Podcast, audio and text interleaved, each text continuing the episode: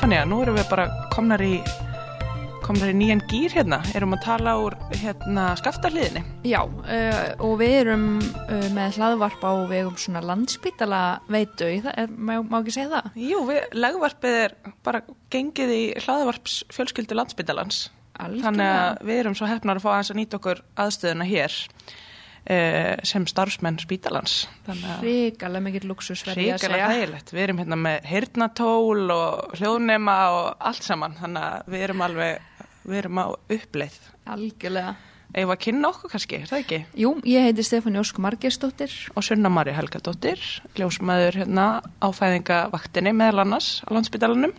Um, og hjá okkur er hún Steinun Sófaníusdóttir. Vertu velkomin. Kæra þakkir og takk fyrir að bjóða mér. Já, okkar, okkar kæra samstarfskona. Við erum allar að koma saman undan nætuvakta helginni, þannig að við höfum aldrei verið ferskari stelpunar. Gætum, gætum komið pínu grill. Já, það, það allt sem að er eitthvað fyrðulegt í dag, það skrifast á nætuvakta helgina, Já, allt sem ég segi sem er eitthvað skrítið eða rugglingslegt, það er nætu vakt að þinga. Ekkert mál, bara fólk veit bara af því. Hérna, Steinin, fáum við kannski bara að byrja á að hérna að heyra eins hver þú, hver þú ert og af Já. hverju þú ert, ert ljósmáður og svona. Já, heyrðu, ég sem sagt hérna var það eiginlega óvart ljósmáður, það er svona með sumar hluti í lífinu að þeir koma til manns bara bakdýra megin. Ég flutti sem sagt til Danmörku þegar ég var bara 23 ára gömul, fór að læra viðskiptafræði og tungumál og síðan verði ég ófrísk þarna bara á fyrstu mánuðin og það var nú ekki alveg planað en velkomið og þá fór ég að hugsa mig langað til þess að breytum stefnu. Ég hérna, mér langaði að vinna meira með fólk.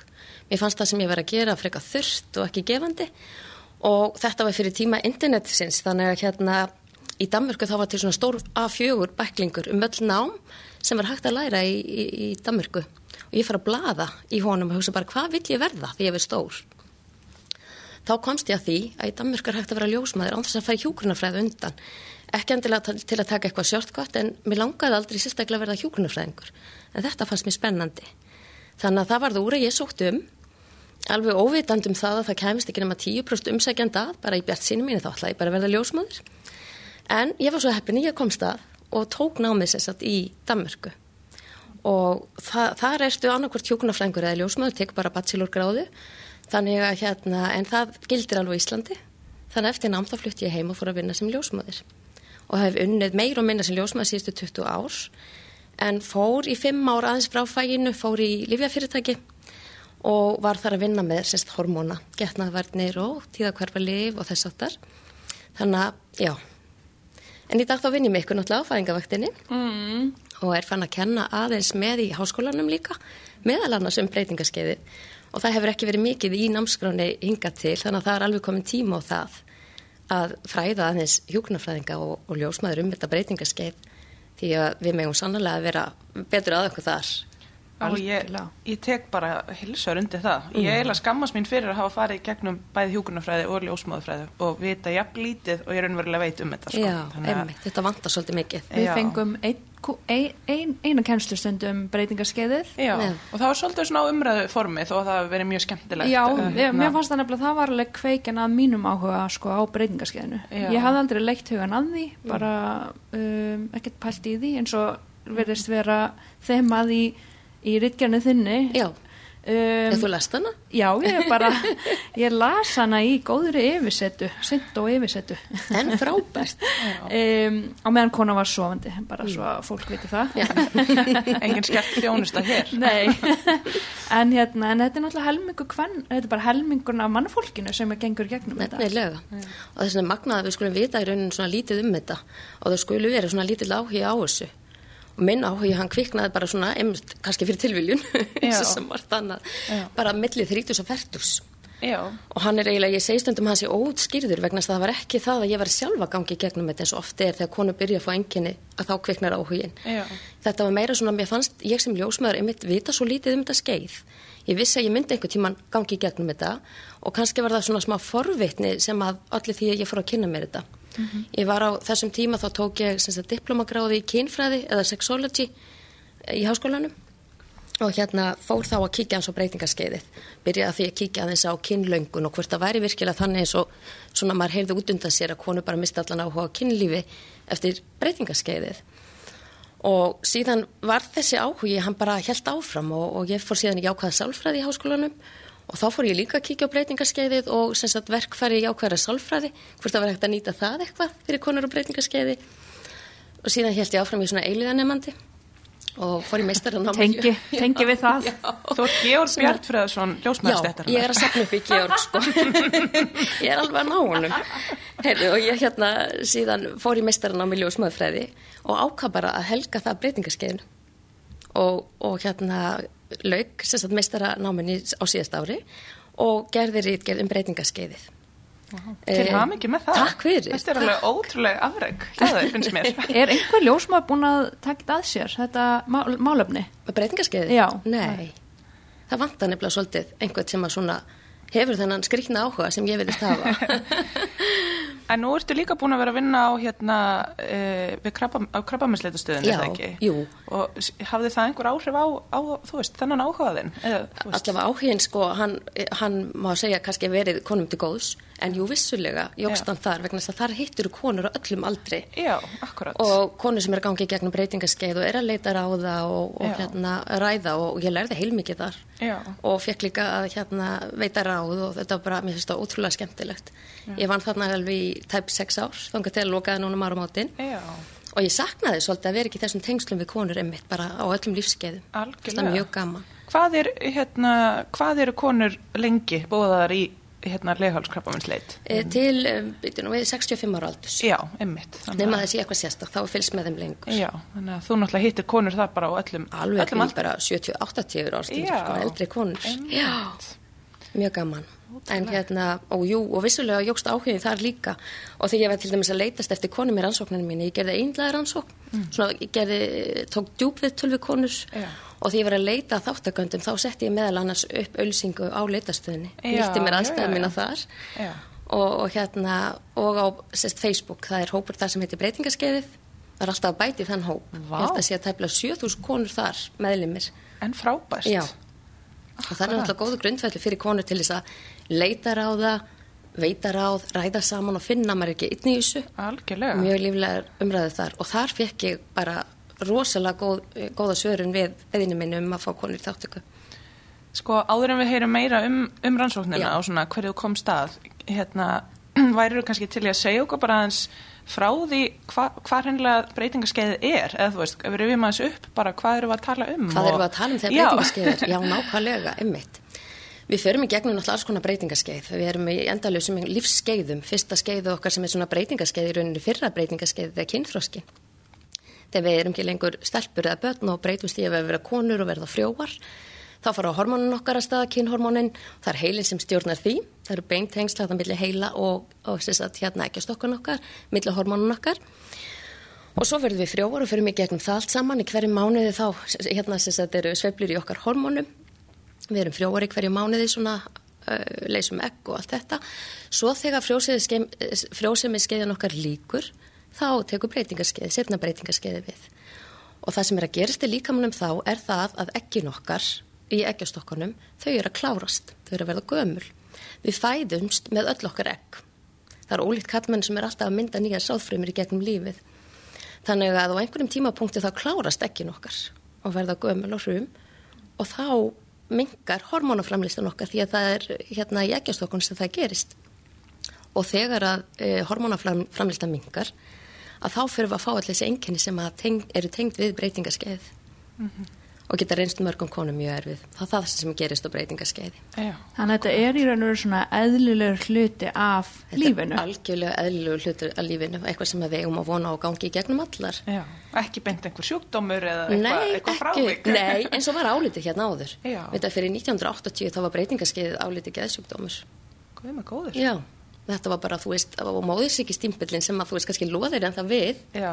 Þetta er ennþá svolítið svona tabú og ég held að það komur svolítið frá fortíðinni. Og það er svolítið dregin upp líka kannski þessi mynd af konum, þú veist, eh, 50 pluss, 60 Já. og eitthvað svona, þær séu svona geðvondar, úrillar, ekki lengur einhvern veginn, sexy, Já, eða þú veist, sveittar, pyrraðar, kettlingar, hérna- kynkaldar, akkurat, sem að eru þetta, eitthvað sem að hlýtur að hafa áhrif á hérna, sjálfsmyndina hjá allan einhverjum konu. Vissulega. Þú og þú veist ef þetta er ímyndi sem er dregin upp á miðaldra konu þá hvað hjálpið mér, hver vil tala um þetta skeið eða farin á þetta skeið? Akkurat.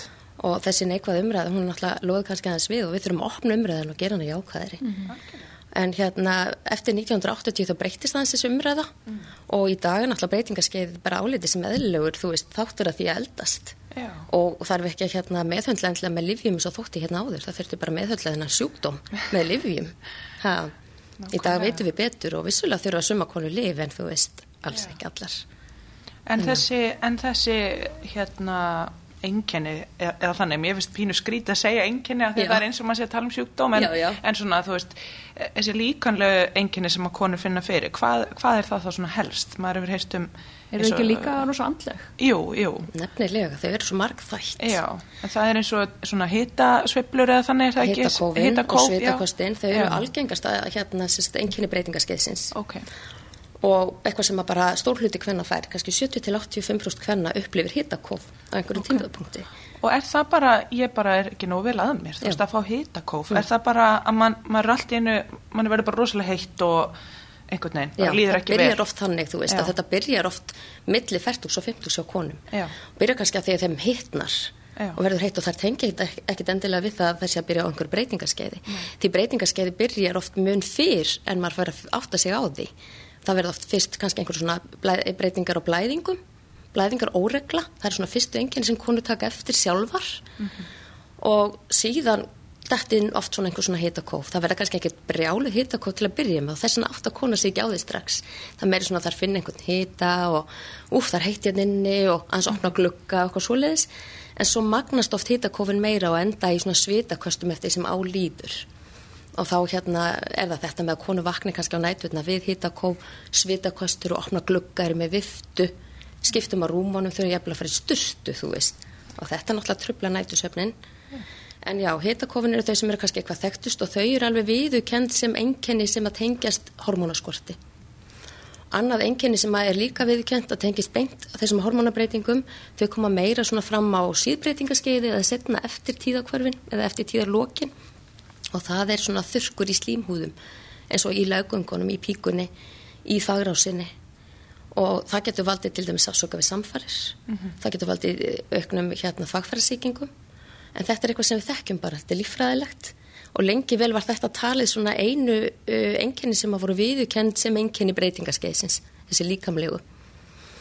Og, og hérna í setni tíð núna bara síðust árum þá er að fleita fram svo skemmtilum og spennandi rannsóknum á breytingaskeiðinu og öðrum með þáttuðis heldur en bara okkur að þessum Við vissum í raunin ekki mikið um breytingarskeið hérna fyrir tveimur, þreimur áratugum síðan. Það var ekki áhuga á því í fræðarsamfélagin einsunni.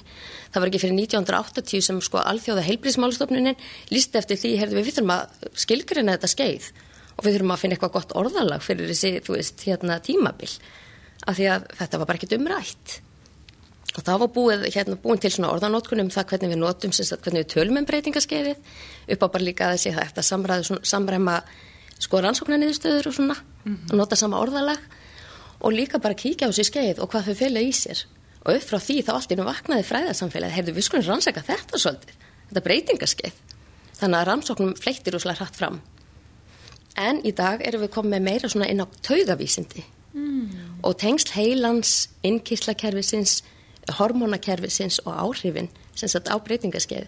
Og það sem er verið að komast að núna og það, það sem ég finnst svo spennandi þegar þú stöður nýjar upplýsingar á hverjum degi það er til dæmis það að enginni sem við upplifum þau kom ekki frá eggjastokkunum. Þótt að hormoni mingi þar þá er það heilin sem registrir þetta. Það er östrogens í heilanum sem að veldur því að við fáum enginni svo til dæmis sveptrublanir skapsveiflur uh, pyrring að við verðum viðkvæmar Deburð deburð og þunglindi, kvíða þetta er bara ólíkir hérna sagt, eh, hvað maður að segja, stopnar heilans eða, eða hérna hlutar heilans sem að bregðast við estrogenskort á þennan hátt að við fáum þessi enginni þannig að þau eru líffræðileg, þau eru líkamleg. Já, þannig að það, þetta var kannski á einhverjum tímapunkti skrifað á veist þessi andlegu enginni voru Já. kannski skrifið á bara e, fylgi kvilla þess að vera e, með sveftrublanir eða vera með hérna, þú veist, einhver vanlegan yfir því að vera að fá hitakófa eða eitthvað Já. svona en svo erum við að koma staði að þetta er kannski þetta er bara raunverulega Þetta er raunverulega bara líkamlegt. Auðvitað er útrúlega margt annað sem spilar inn í lífið hvenna. En svo við vitum þetta á miðjum aldri. Ég kalla þetta stundum svona leiklið. Við erum að klára fyrriháleik Já. og við erum að fara inn í setniháleik. Og því fylgja ímsa tilfinningar vegna þess að þarna erum við að kveðja frjósemin okkar. Við erum að kveðja æskun okkar svolítið. Því fylgja alls konar tilfinningar, kannski frelsi en líka treyji og, og svo má kannski eftirsjá og sorg. Líka því að samfélagi það setur svolítið svona upp æskuna sem sko, þú veist, frjósemi kynþokka og ef maður það bara búið með þann pakka þegar maður er komin á miðjan aldur og, og þetta er að klárast. algjörlega Plús það að börnin eru kannski að fara heiman Já. og hérna eða flytja inn aftur. Bött fara vist aldrei heiman í dag. Nei, í dag, sko, mann eftir við maður hlóði hérna einu svona að, þú veist, ítölskum börnum sem að hérna fóldra sáttum uppi með til þrítús. Nú er þetta bara svolítið standard Þetta er veruleikin á Íslandi. Já, Ó, en, það er svo margt sem spilar inn í svona og konur eru kannski eignast tengdaböld, batnaböld Mhm. og, og er í sjálfskoðun á þessum tíma, svo þetta enginin inn, þú ert kannski líka að hugsa um aldraða eða veika fóreldra. Algjörlega Þetta er svona þessi samloku kynslu þess að það kallast. Þú ert bæði með börnin og fóreldrin á sama tíma, mikið álag. Svo þetta Algjörlega. er kannski enginin inn Já. á fullum krafti og hvað þá? Er rosalegt álag sem er Mm. lagt á, þú veist, konur á þessum tí tímabili. Það getur verið nefnilega mjög erfitt tímabil fyrir marga. Og líka þetta, þú veist, fyrir konur sem eru í sambandi eða hjónabandi, að þá líka þarf það svolítið inn- endur skilgrinnast þegar að börnin eru orðin annarkvort, þú veist, að verða fullorðin eða bara farin að heiman, að þá setur fólk oft eftir og er svolítið að svona pæla, þú veist, Hver hvað, erum hvað við? eru við og, Bara hver er þú? já, bara sætt. Já. Já, við vorum í stjón, við vorum alveg sér börnum Já. saman emmitt og endur skoða lífsitt og þetta er Já. opaslega, þetta býður opaslega upp á mikla sjálfskoðun, mm naflaskoðun, hver er ég, hvað ég er búin að gera, hvert Já. vil ég fara? Algjörlega. Það stefnir líf mitt og líka í dag, við lifum svo lengi. Já, Hér áður dóu konur og fólk bara mikið fyrr. Bara þegar frjóskilmiskeiðinu lög þá var hlutverkinu því svolítið lokið. Í dag getum við búist við því að lifa konur eins og við í 40 ár eftir að frjósum okkar líkur. Já, og það skiptir rosalega miklu máli ymmit, já, að uh, reyna að lifa lífinu vel. Að hugsa vel um heilsun og hvernig við viljum lifa lífinu. algjörlega, Þú veist, þennan setni háluleik. algjörlega. Já, Mér er svolítið mikilvægt að átta sig á því, þú veist, hvað er skilgreiningin á breytingaskeiði? já. Uh, ég, held, ég held að sé alls ekki margir með þá á hreinu. Emmitt, það er nefnilega sko alveg rétt og ég var sjálf því ég var að skrifa rítgerðina mína ég þurfti alveg að setjast niður og skoða þetta þetta var alveg nýtt og hérna við höfum óbúslega fátaglegan orðaforða yfir breytingaskeiði það er breytingaskeiði og tíðakvörð Já, er þetta ekki eitthvað flóknar önsku? jú, miklu fleiri orð. Það er postmenopause, premenopause, perimenopause, menopause. Klamakterik og hérna ég reyndi eftir bestu getu að skilgreina þetta einhvern veginn bara með mínum orðum. En svo var ég nýverið að hlusta á hlaðvarp á rúf eftir hann á Ólufu gerði hún fór svona rannsóknarvinni því hún fór sjálfa svona snembær tí tíðakvör sem reyndist henni erfið. Þetta er alveg frábært hlaðvarp og ég bara mæli með fyrir alla konur að hlusta á þetta. Og Hvað heitir það? það heitir hérna það sem ég lærði af breytingaskeiðinu Það sem að breytingaskeiði það sem breytingaskeiði það kendi mér Já. Jú, ég ætla ekki að fara mér átt orð Takk Þú varst með þetta hreinu, þú varst bara að testa mig Þetta var próf. Þetta var próf nákvæmlega, ég er bara farin Nei, bara þannig að við, eðna, hlustandi getur kíkt á þetta. Vissulega, virkilega flott og, og hérna fróðilegt og skemmtilegt hlaðvarp. En hún einmitt hérna leitaði til átnastofnuna, hreinlega til þess að fá bara svolítið upplýsingar um hvernig mætti skilgreina þessi orð og hvernig, hvaða orðanótkun geti verið í íslenskunni. Og ég er að hugsa um að bara að hérna halda mig við hennar uh, orðanótkun og skilgreiningar og þar setur hún breytingarskeið eins og þegar því er samkvæmt laknisfræðinni skipt upp í þrjú tímabil. Það eru tíðakvörfin sem er sérstætt perimenopause sem er kannski erfiðasta skeiðið en það er frá því að við byrjum að finna einkenni, bara þarna milli yfir litt 40 og 50 og þar til ári eftir að blæðingum hæ- hérna líkur. Og þarna dregur verulegur hormonamagni og þarna þurfum við að finna fyrir einkennum. E, næsta tímabil eru tíðalokin sem sagt í rauninni bara menopause sem að markast bara af einum degi eða einum tímapunkti sem er það sá punktur sem að þegar árið liði frá því við áttum síðustu blæðingarnar. Þá erum við komin sem sagt í tíðalokin. E, næsta tímabil sem þá tekum við eru eftir tíðalokin og það markarist í rauninni frá síðustu blæðingum og svo bara út lífið þannig að það er lengst. Þá kemst ofta á ákveði jafnvægi í hormónunum, þóttir séu kannski lág magni, þá verður meira jafnvægi. Þannig að þetta eru þessi þrjú skeið sem að við getum deilt breytingaskeiðinu upp í.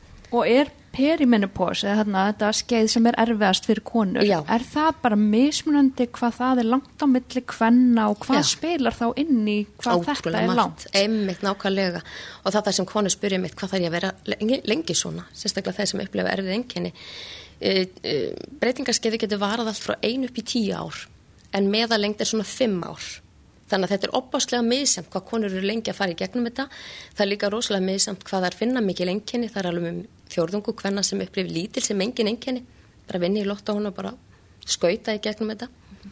Meðan það er kannski svona fjórðungur sem að upplifi verulega erfið enginni sem að hafa áhrif á lífskeiði og daglegt líf. Og það var einmitt sáhópur sem ég ákvaða að taka við tölvið í minni rítgerð og svo er svona kannski helmingur hvenna sem fer í gegnum þetta á svona meðal nótunum og það eru erðir spila mjög stertatninni maður getur svona svolítið spjalla við mömmu sína ef að hún er til staðar og spurt hana hvernig hún fór í gegnum þetta ef minnið er nærðangað vegna þess að verðist vera sem eldri konur er ekkert sérstaklega mikið tilbúinar að ræða þetta. Þetta var svo mikið tapu kannski þeirra tímum og tengt einmitt við móðursíki og fleira. Þannig að það, það stundir svona neini þegar ég fann ekki fyrir neinu og svo kannski þegar maður fara að spyrja alveg, jú, vissulega fundið það fyrir einhverju, kannski vilja bara gleyma því eða ekki ræða. Kannski svolítið eins og svona fæðingar. Já, svona, já. gleym, maður gleymir því bara hvað þetta var. Já, mikið vinna. fer. Já. nákvæmlega þannig að jú, og það er þetta skeið sem er kannski erfiðast, þarna tíða hverfa skeiði sem að hérna, konur vilja komast sem fyrst í gegnum Já. Þannig að það eru erðir, er einhverju umhverfisþættir sem hafa áhrif? Vissulega, búseta hefur áhrif uh, og hérna bara líka sagt, það eru félagslegir, sálfræðilegi þættir, þetta er ótrúlega margþætt og, og það er líka bara eins og lífs, lífsviðhorf, lífsreynsla kannski áföll sem að maður hefur farið gegnum í lífinu það eru bara allt í rauninni sem spilar inn í upplifun hvenna. Ég lasa mitt í rytgernin um hérna kynferðislegt ofbeldi. Það væri tengst þar á milli. Já. Mér varst það mjög áhugavert. Það er svo áhugavert og það er einmitt sko bara líka í sambandi við einmitt áföll, ekki bara kynferðislega heldur bara áföll almennt, sérstaklega við höfum ekki unnið úr þeim, að þau hafa áhrif inn í, inn í líf okkar í framtíðinni og svona skeið sem við göngum í gegnum geta gert það erfiðara fyrir okkur eða á einhvern annan hátt, já, Þetta er magnað. Við náttúrulega, þekkjum það að þú veist, konur fara alltaf með hérna allan lífsreynsluna, þú veist, í bakbúkanum inn í hérna fæðingu til dæmis Einmitt. og hann, hann getur opnast þar Já. og svona, þetta er svona þannig augnablík og Já. það er kannski á það sama við akkurat um þetta þó þetta sé auðvitað annars eðlis að þetta er tímabil og skeið og svona Já. En að hérna, þetta er svona uppgjör. Þetta er nefnilega algjörlega, þetta er svo rétt orð. eitthvað, svo mikið uppgjör og konur er mikið að kíkja tilbaka. Þarna gefst svona ábærslega mikið tími fyrir sjálfsvinnu. Akkúrat. konur eru ofslega mótíverðar ofta, á þessum tímamótum til að gera breytingar í lífi sinu einmitt vinna með fortíðina til að halda áfram kannski. Akkurat. betri inn í setniháleikin Þetta er kannski tækifæri líka á mjög hátt. mikið tækifæri. Og jafnvel þótt að konur upplifi erfið einkenni þá getur það getur verið vissulega áskorun og erfitt. En veitir líka alveg tækifæri til þess að vinna með fullt af hlutum og bara öðlast betri líf og, og meiri velíðan og af því þú ert að nefna áföll þá fannst mér svo áhugavert vegna þess að hérna, það var allavega eina eða tvær konur í rannsókninu minni sem höfðu farið svolítið snemma á breytingaskeiðið af því það er urði fyrir áföllum og það er alveg þekkt að þegar við verðum fyrir áföllum þá hefur það áhrif á sagt, efnaskiptin okkar, á líkamstarfseminna og það getur hrundið af stað ótímabæru breytingaskeiði. Já. E, talandi um ótímabær breytingarskeiði, Já. hvað er, hvað er maður gamall þegar maður fyrir ótímabær breytingarskeiði og hvað, hvað er svona helstu þættinni fyrir utan áfall sem veldu því? Já, það getur til dæmis verið erðir, það getur verið að ekkin þín eru bara búin á snemma, ímislegt sjálfsagt eins og áföll eða eitthvað annað og náttúrulega vissulega þú veist eins og aðgerðir að það þarf að fjallæga því að þeir ekki að stokka eitthvað Já, slíkt sko. auðvitað. En hérna það er ekkert, ekkert mjög margar konur sem fara á tímabært breytingaskeið en það getur alltaf gest og mér langar að benda á í því hérna í því sjónameði að það er hjúknarfræðingur sem heitir Solrún Ólína Sigurðardóttir sem að skrifaði rítgerð, mestari um snembært breytingaskeið. Er það þá fyrir færtugt? Já, eða? það er oft bara, þú veist, allt neyri þrítugt og jafnvel aðeins fyrir þrítugt og það sé sjálfgefara. Já, millir Mhm. þrítugt og færtugt skjarnan. Ég held að það sé skildgreint fyrir 45 ára og fer að fá enginni eða jafnvel Mhm. að ekki klárast fyrir þann tíma. sem er kannski, að ég fyrir ekki fyrir bara, þú veist, áhugavert af því að svona vestrænar konur eru náttúrulega orðnar svolítið farnar að fresta batnegnum mikið, kemur að hörust átt við erum hérna þrítugar og ballisar með Stefania. En að þú veist hérna og, þó, að- og við Íslend, Íslendingar erum, erum fyrir en, en þú veist aðrar Evropaþjóður og svona, þú veist, í, hvað batnegni varðar að þú veist, konur taka því sem sjálfsögnar hlut að geta kannski byrjað eignar spönn, þú veist, bara um færtut eða eitthvað í dag, að hérna að það er þá áhugavert ef maður pælir í því sko að þetta sé eitthvað sem er möguleiki í sjálf og sér að, að þetta komi, komi inn í lífi fyrir en maður kannski við reiknum með. Vistu að það er svo mikilvægt einmitt að ræða þetta, að ræða frjósemi og frjósemi við konur þegar þeir eru ungar og bara svona eins og family planning eða að skipilegja batnegnin sínar og vita hvenar er maður frjór eða sem þetta er frjóseminn mest og það er bara fyrir 25 ára aldur mm -hmm. Og við byrjum að eignast í dag, ég held að meðaraldur fyrir frumbyrju sé sko 29 ára og nú hlæðir Stefani að hérna. Já, við, við sveitnum, það er hitakóp. Að skella áberð. og náttúrulega frjóseminn hún dvína eftir 35 ára aldur og eftir 40 þá er hún alveg bara mjög hverfandi. Mm -hmm. og, og við fáum einmitt þessar hérna, ímyndir einmitt erlendis frá og konur eru eignast börnin millir 40 og 50 og stjörnurnar. Og það er aldrei talað um að það er fangur aðstóð þannig að það hefur bara orðið náttúrulega ófrískara tvípurum bara hérna við uppindu 50 sem er náttúrulega af og frá. Akkurat. og þetta er eitthvað sem að þarf að ræði í samfélaginu og konur þurfa að vita af þessu Algjörlega. Einmitt góðu punktu með stjörnunar, þú veist, að, þessar konur sem við erum að dyrka og dá og fylgja á Instagram og svona, að hérna, þær endur spekla kannski ekki alveg raunveruleikan okkar. Akkurat, Nei, akkurat. Og, og eiga, þú veist, nóga peningum til að gangi gegnum Já. þetta, þetta kostar mjög mikið pening að fara gegnum ófrjóðsumisfakka. Það gerir það virkilega. Og konur sem er að fara í, í þennan pakka, það kemur þeim aftur rosalega óvart að frjóðsuminn þeirra séu orðin minni, því mm. þær bara viti ekki að því, þær hafa aldrei verið uppfrættur um það. Þannig að þetta er eitthvað sem þurfum að ræða líka fyrir utan breytingaskeið. Eitt líka, einn pæling varandi það, þú veist, núna erum við líka eignast bara færri börn Já. og þá veldi ég fyrir mér, eru við að flíka breytingaskeiðinu út af því að við um, í raun og veru erum að eiga færri börn, þú veist, hér áður fyrir eignast konu kannski fjögur, fimm börn og þá hafa þeir þessa nýju mánuði pluss brjóstugjöfuna og þá varðveitast ekkin í raun og veru, er ég að hugsa sko? Ég, það getur vel verið, ég bara þekk ekki mekanisman á baku það en það er alveg áhugaverð pæling. Mm -hmm. Mm -hmm þegar maður hefur svona aðeins heilt útnanda sér að konur er aðeins fara fyrr núna breytingarskeið bæði bara út á lífstílsháttum eins og yeah. reykingar og drikju yeah. áfengis og, og svona aðrir eh, náttúrulega við erum þingri eða svona, mm -hmm, mm -hmm. margt sem spilar inn í emitt er hérna, þekkir það eitthvað emitt eins og hérna ofþyngd ofita og svona er það eitthvað sem að getur haft áhrif á að hérna breytingarskeiði komið fyrir en annars? Ég hef ekki hérst af því Nei, Nei. Ekki. Nei. Nei. og meirins að sko þú veist að hérna estrogen það framleiðist í fytuvef þannig að við verðum eiginlega líka það er ekki gott til að breytingarskeið að vera of léttur eða vera í undirþyngd. Við viljum vera með svolítið utan á okkur mm -hmm. að hafa þetta estrogen og líka bara til að verja okkur fyrir beinþýningu og, og öðrum sjúkdómum.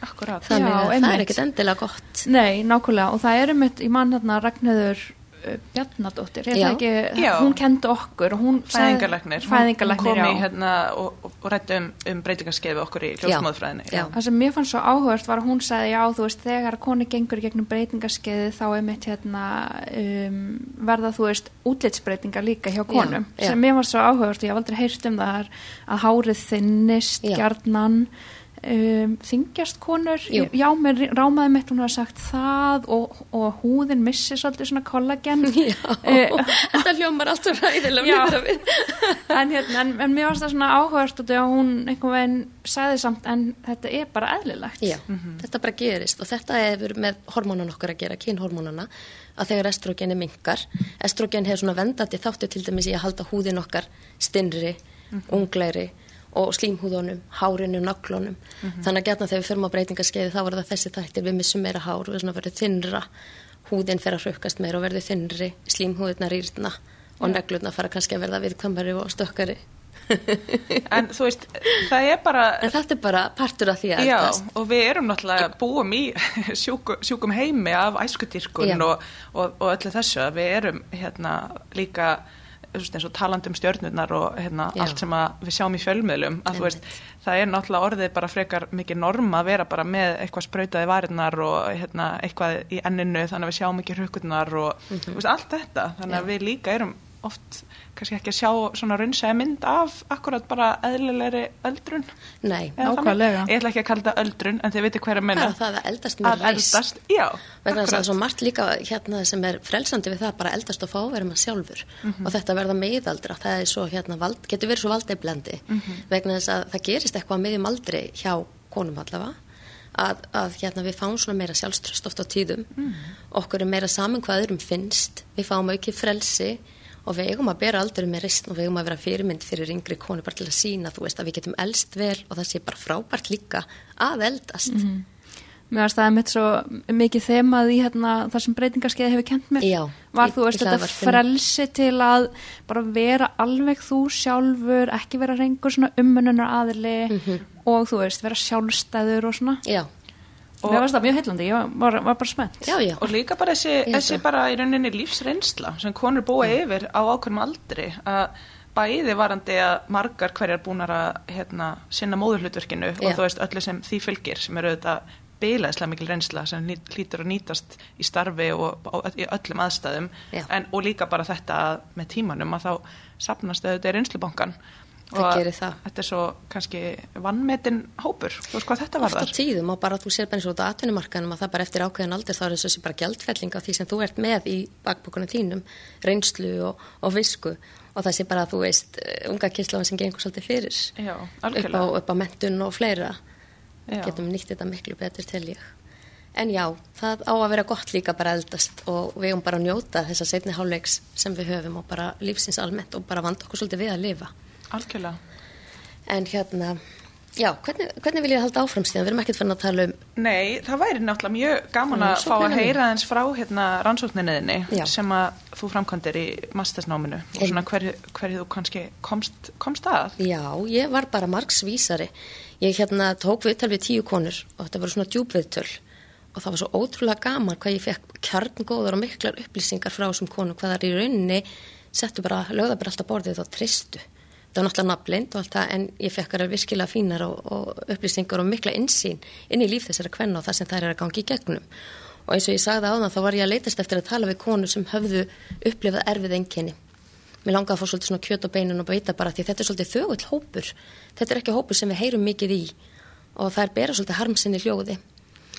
Og ég komst bara því að það er bara þarna hópur úti sem á bara virkilega erfitt sem hefur í rauninni kannski fáa til að leita til sem að upplifir að þær eru einar með einkennin, þeim finnst þær öðruvísi vegna þess að þær eru kannski að ræða við vinkonu sínar eða konur í kringu sig sem hafa ekki sömu reynslu, sömu upplifun og þá finnst þeim þær bara vera eitthvað skrítnar, jafnvel bjagaðar og bara velta fyrir sér hvort það sé í lægi með geðhilsuna þeirra.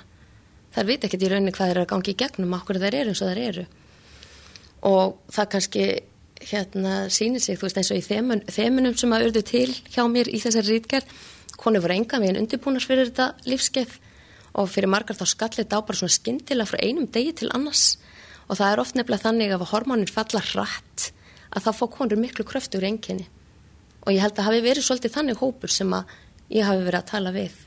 Bara frá einu degi til annars það bara gerist eitthvað bara svona eins og náttúru hamfarir eins og sömar lístu, bara kvirvilbilu sem ég lendi í. Og einn talaði mitt svo skemmtilegum af því það var svo hérna, góður ég að koma fram með myndlíkingar að þetta væri bara svo draugurinn Kasper hefði byrst, bara nóttu til farið inn í líkamennar og andsett hana Já, hérna. þannig að þið, þið heyrið þar sterkar lýsingar Já. á þeirra upplifun en þetta kom þið verilega óverum og þær töluði mitt um jafnvel sprenglarðar konur klárar konur viss ekkert hvað var að gerast í líkama þeirra eða lífi og bara stjórnleysið mikið, Vá. að hafa ekki stjórnað í lífi Það var alveg bara á vissum tímpunkt svona átakanlegt að lesa það sem er voru að gangi gegnum, mér. Og skilningsleysi sem er mættu. já það er ekki að þegar fólk sé grimt eða slemt því ég held að sé bara ekki skilningur fyrir þessari lífsreynslu og þessum upplifunum af því að fólk veit ekki hvað er verið að gangi í gegnum og þess vegna einangra konur sig svolítið, þessi hópur Og mér finnst svona óhjákvæmilegt að bera þetta svolítið saman við kynþróskaskeiðið eins og þú Já. nefndir áðan, þá erum við náttúrulega miklu yngri og ekki búin að taka út fullan þroska og, en þetta, þetta er akkurat það sem við þekkjum þaðan, að það er einhver skömm og þú veist, stelpur sem að kannski byrja á blæðingum á þess að hafa fengið fræðsluna þú veist, eru kannski snemma að byrja þú veist, vita ekkert hvað er gerast eru, eru hrættar og skelvingulosnar og andlegar sín. breytingar. Já, Já. og allt þetta og auðvitað líka það sem strákar gangi gegnum og svona og hérna þetta, þetta endalsa tabú í kringum breytingatíman og einmitt, e- e- engin skilningur í umhverfinu og allt þetta. Mhm. og svo hefðu við einhvern veginn, getur maður ímynda sér að við myndum vita meira um hvað gerist á miðum aldrei en Já, það er kannski ekki. Það er bara ekki. Og það vantar bara einmitt, það er lístu svo mikið eftir því þeim vantar upplýsingar, það vantar fræðsluefni. Það er engar ópenbæra síður um hvað er að gerist í líkamanna þínum, hvert þú getur leitað, hvað þú getur gerst. Það kemur engin skólahjúkunarfræðingur Nei. og, og hóar hópin saman og fer yfir þetta í Nei. góður tómi. og bara viðist vera lítill áhuga með, meira segja hjá konum sjálfum. Já. Jafnvel þótt að vita sér að gangin í þetta skeið að þá einhvern veginn held ég þessi svona innbyggð bjart síni í okkur við erum ekkert að fara að upplifa þetta er það. Okkur langar það náttúrulega heldur ekkert. Þetta er ekkert spennandi einkenni og eins og ég segi þetta tapur sem kannski umvefur þetta líka svolítið þú veist, við viljum ekkert mikið ræða þessa hluti. Hvern langar að ræða það? Að mér langi minni kynlíf. Eða þá þú veist að ég sé alltaf sveitt og í hittakófum eða sé ógislega pyrruð og bara erfitt að vera í kringum mig. Ha? eða ég sé ógislega lítil í mér og, og bara kvíðin eða þunglind en við þurfum að geta rætt þetta. Og þetta er bara stórt heilsufass hérna, mál sem við þurfum að opna inn á umræðina með. Kannski svolítið feminist mál líka bara. Mjög líka. Algjörlega, algjörlega. þannig að hérna það er fyllt af konum þarna sem að þurfa á aðstóða að halda. Já, og það er sem að, hérna, það sem að leita til er kannski kvænskutómalagnar en það er náttúrulega mjög stuttu tími sem þú hefur þar inni. Já, algjörlega. mér langar að mynda að vita, hvað myndi kvennsjúkdómalæknir gera fyrir þig ef að þú myndir mæta og bara, í raun og veru bara með þessi enkenni, Já, eðlulegu enkenni mhm. uh, breytingarskeiðsins. Já, allir þeir get ekki mælt, hjá manni hérna sérst hormónu til þess að sjá hvort maður sé veist, komin á þetta breytirska skeið til að staðfesta hvort maður sé komið þangað, hvar maður sé stattur. Svo verður mögulega kannski hægt að skrifa hormóna. Einmitt. Það er kannski það sem að þeir aðalega vísa á. Þannig að er beint engin kannski svona sérfræðingur í þessu sem er til staðar fyrir konur á þessum aldri? Nei, En Það hér- er ekki til nei. staðar. Og kannski þurfti bara, rétt eins og þurfti úlingamóttöku, væri hugmynd að hafa þá breytingarskeiðsmóttöku? já, klárlega. Og kemur þetta stert inn í þessar umræðu sem er búin að vera síðustu ár um bara svona hvern helsugjæslustöð eða hvern, hel, hvern helsumóttöku eða eitthvað slíkt. Ó já, svona eins og er í Svíþjóð, mér er búið að dreyma um þetta í Akkúrat. mörg ár á Íslandi og ég sé ljósmaður svolítið stert þar inni vegna þess að eins og ég segi það vantar svolítið málsvara kannski fyrir þetta Já. og við erum að annast konur á eiginlega öllum lífskeiðum að minna, sérstaklega náttúrulega í gegnum batningnaferli og það er þannig sem að fólk sé náttúrulega ljósmaður svo klassist fyrir sér ég taka móti börnum, sjá um konur á meðgöngu og ég man bara því ég var að vinna á leitastöðinu þú ljósmaður, hvað ert þú að gera hér? Já, Já. þetta er nú bara svolítið mikið mitt svæði Já, að nákvæmlega. við eigum að breyða meir úr okkur, við erum að gera það það er ekkert svo mörg ár sem við byrjum að taka leghálstrók til dæmis og nú Nei. eru ljósmaður að gera þetta á öllum helsugeslum Algjörlega. og nú erum við búin að fá leifi til að skrifa upp á getnaðavarnir og, og við erum að breyða okkur svona meira kannski út í kynhelbriðinu og þar liggur svolítið mitt áhersfið líka og einmitt breytingaskeiðið Já. og þarna sé ég svo rosalega mörg tækifæri fyrir ljósmaðarstjættina til þess að láta gott að sér leiða Algjörlega. og að sinna konum á öllum lífskeiðum alveg frá kynþróska og fram með við tíðakvörf og mikið verið gaman að sjá svona stöð einmitt Og kerfið þarf einmitt svolítið að fylgja eftir að því að maður finnur að hérna, áhugin er aldeilis til staðar, þú veist, hjá ljósmaðurum og svona. Algjörlega. En það væri svo flott ef að eitthvað myndi gerast í kerfinu eða þú veist, við Já. þurfum bara að gera það. Við þurfum náttúrulega að vinna að því. Já.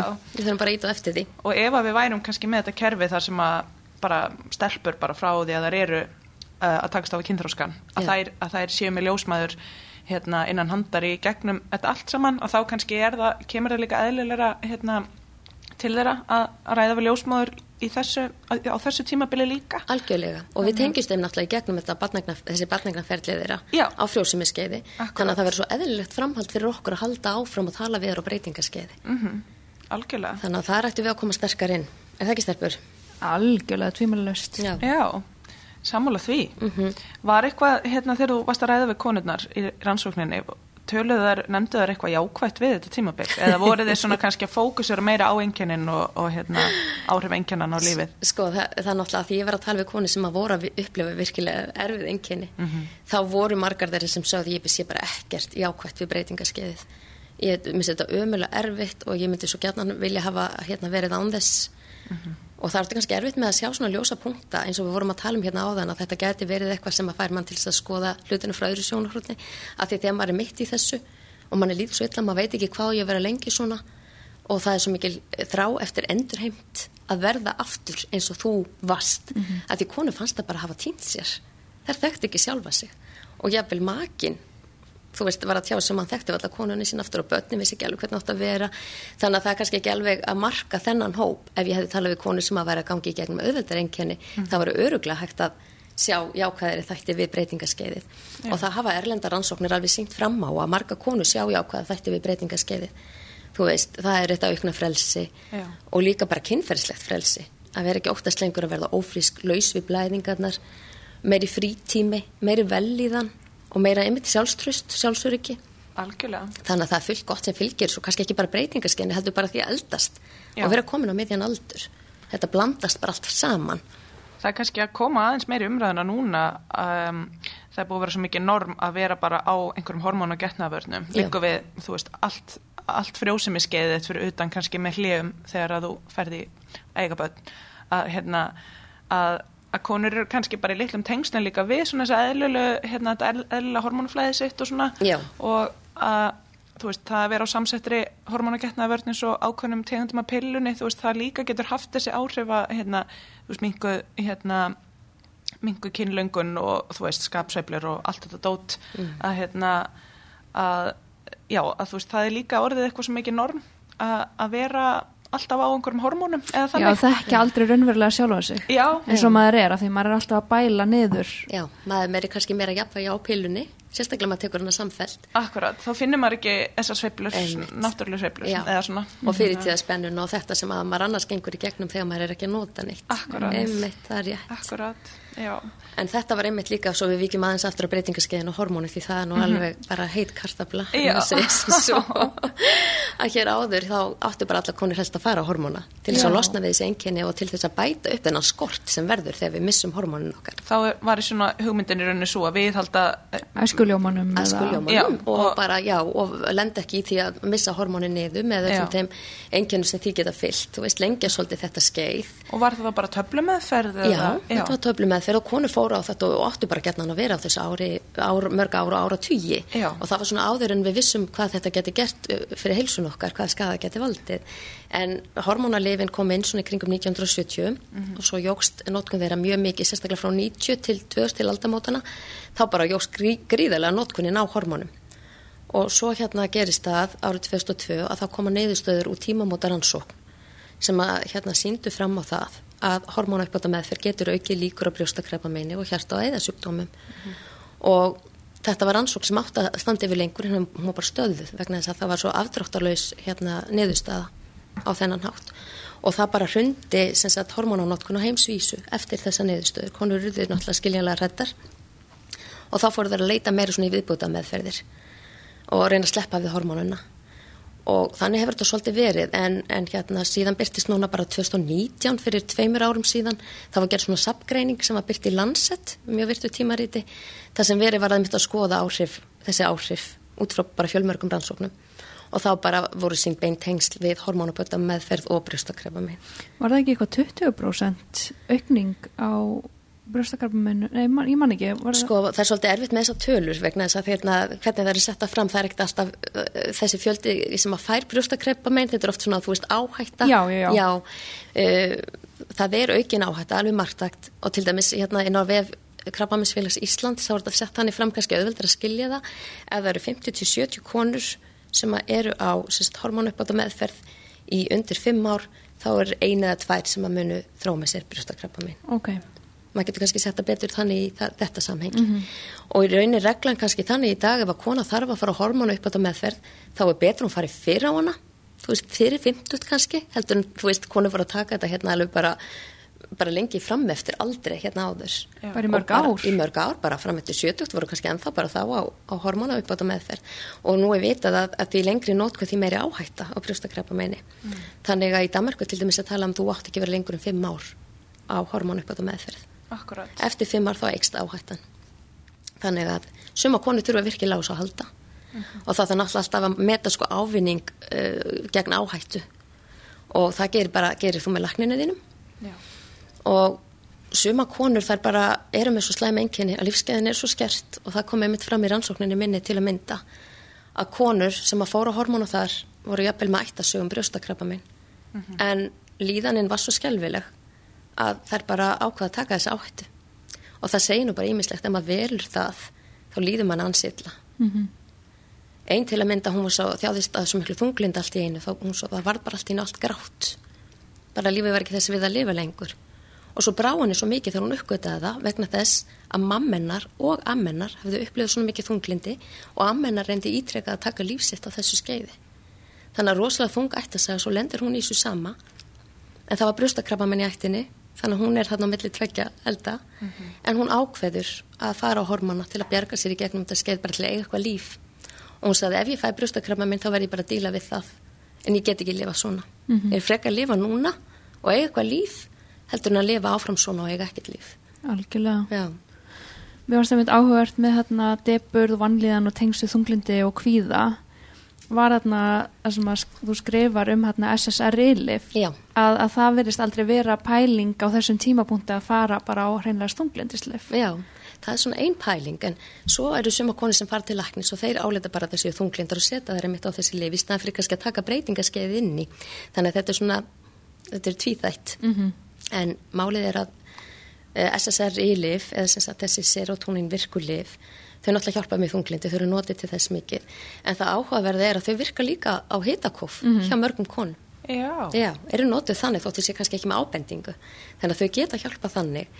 En svo er uh, hormonavirknin og efnaskiptin okkar öðruvísi á breytingaskeiði heldur en þegar við erum frósimiskeiði þannig að þau getur virkað öðruvísi þá heldur en þegar við erum sem sagt bara á okkar hefðbundnum frjósumiskeiði þannig að sumir laknar mæla freka með hormónauppbúta meðferð vegna þess að það getur líka haft jákað áhrif á sko þunglindið af því þunglindi getur verið tilkomið einmitt af hormónabreitingunum Einmitt svona hvort er orsök og hvað er afleðing. Já, þetta er alltaf eitt hræri grautur eins og einn konan sagði í Þetta er flókið. Þetta er nefnilega flókið og þetta er ekkert einfalt og eins og ég segi líka þarna niðurstaðan sem ég komst að það þarf einstaklingsbundna meðferð fyrir konur. Það, það sama hendar ekki öllum. Hvað annað er hægt að gera ef að, ef að kona vill ekki fara hormónameðferð en, en þú veist vill samt hérna, segja, takast á við þessi enkenni, þessi Já. miklu enkenni. Já. Er eitthvað annað sem að stendur konum til bóða eða eitthvað sem er geta gert einhver bjargráð? Það er sko, þú veist, svo mörg bjargráð og það er það líka sem er frumskóð fyrir konur. Er veit ekkert hvað, hvað er að gera og hvað er að virka og hvernig. Og þetta var eitt af því sem ég kynnti mér einmitt í mistaranáminn. Mér fannst þetta áhugavert. Mér langaði að vita meir um hormónu uppátt og meðferð, einmitt ávinning, áhættu. Svo langaði mér líka að vita hvað þú getur ekki nýttir það eða vilt ekki nýta það. Því það er fullt af konur sem vilja það bara ekki út af áhættinu. Hvað ger ég þá? Og það er þess að viðbóta meðferðir, eins og ég kalla það, vel að kalla það. Og viðbóta meðferðir skiptast upp í ótrúlega marga þætti. Það eru til dæmis lífstílsbreytingar, eins og hreyfing og mataræði, uh, fædubótaefni og þau eru náttúrulega til ótalmörg og jurtalif og þess áttar ráð. Svo eru náttúrulega önnur lif, heldur en kannski hormónulif sem hægt að nota, eins og við vorum að tala um serotonin virklif og meiri þess að það eru lif sem hafa verið notið við floga, veiki og ADHD og fleiri sem hafa virkað vel að hita kofi og konum, ótrúleitt nokk. Og svo eru óhefbundna meðferði til dæmis eins og nálastungur, kýrópraktorar, dáleðsla, öndunartækni og sem á svona atferðlismeðferðir eins og slökun, núvitund, ham, eitthvað álíka, mm -hmm. jóka og fleira. Þannig að það er fullt til og fullt hægt, en svo er bara spurning hvað virkar af þessu.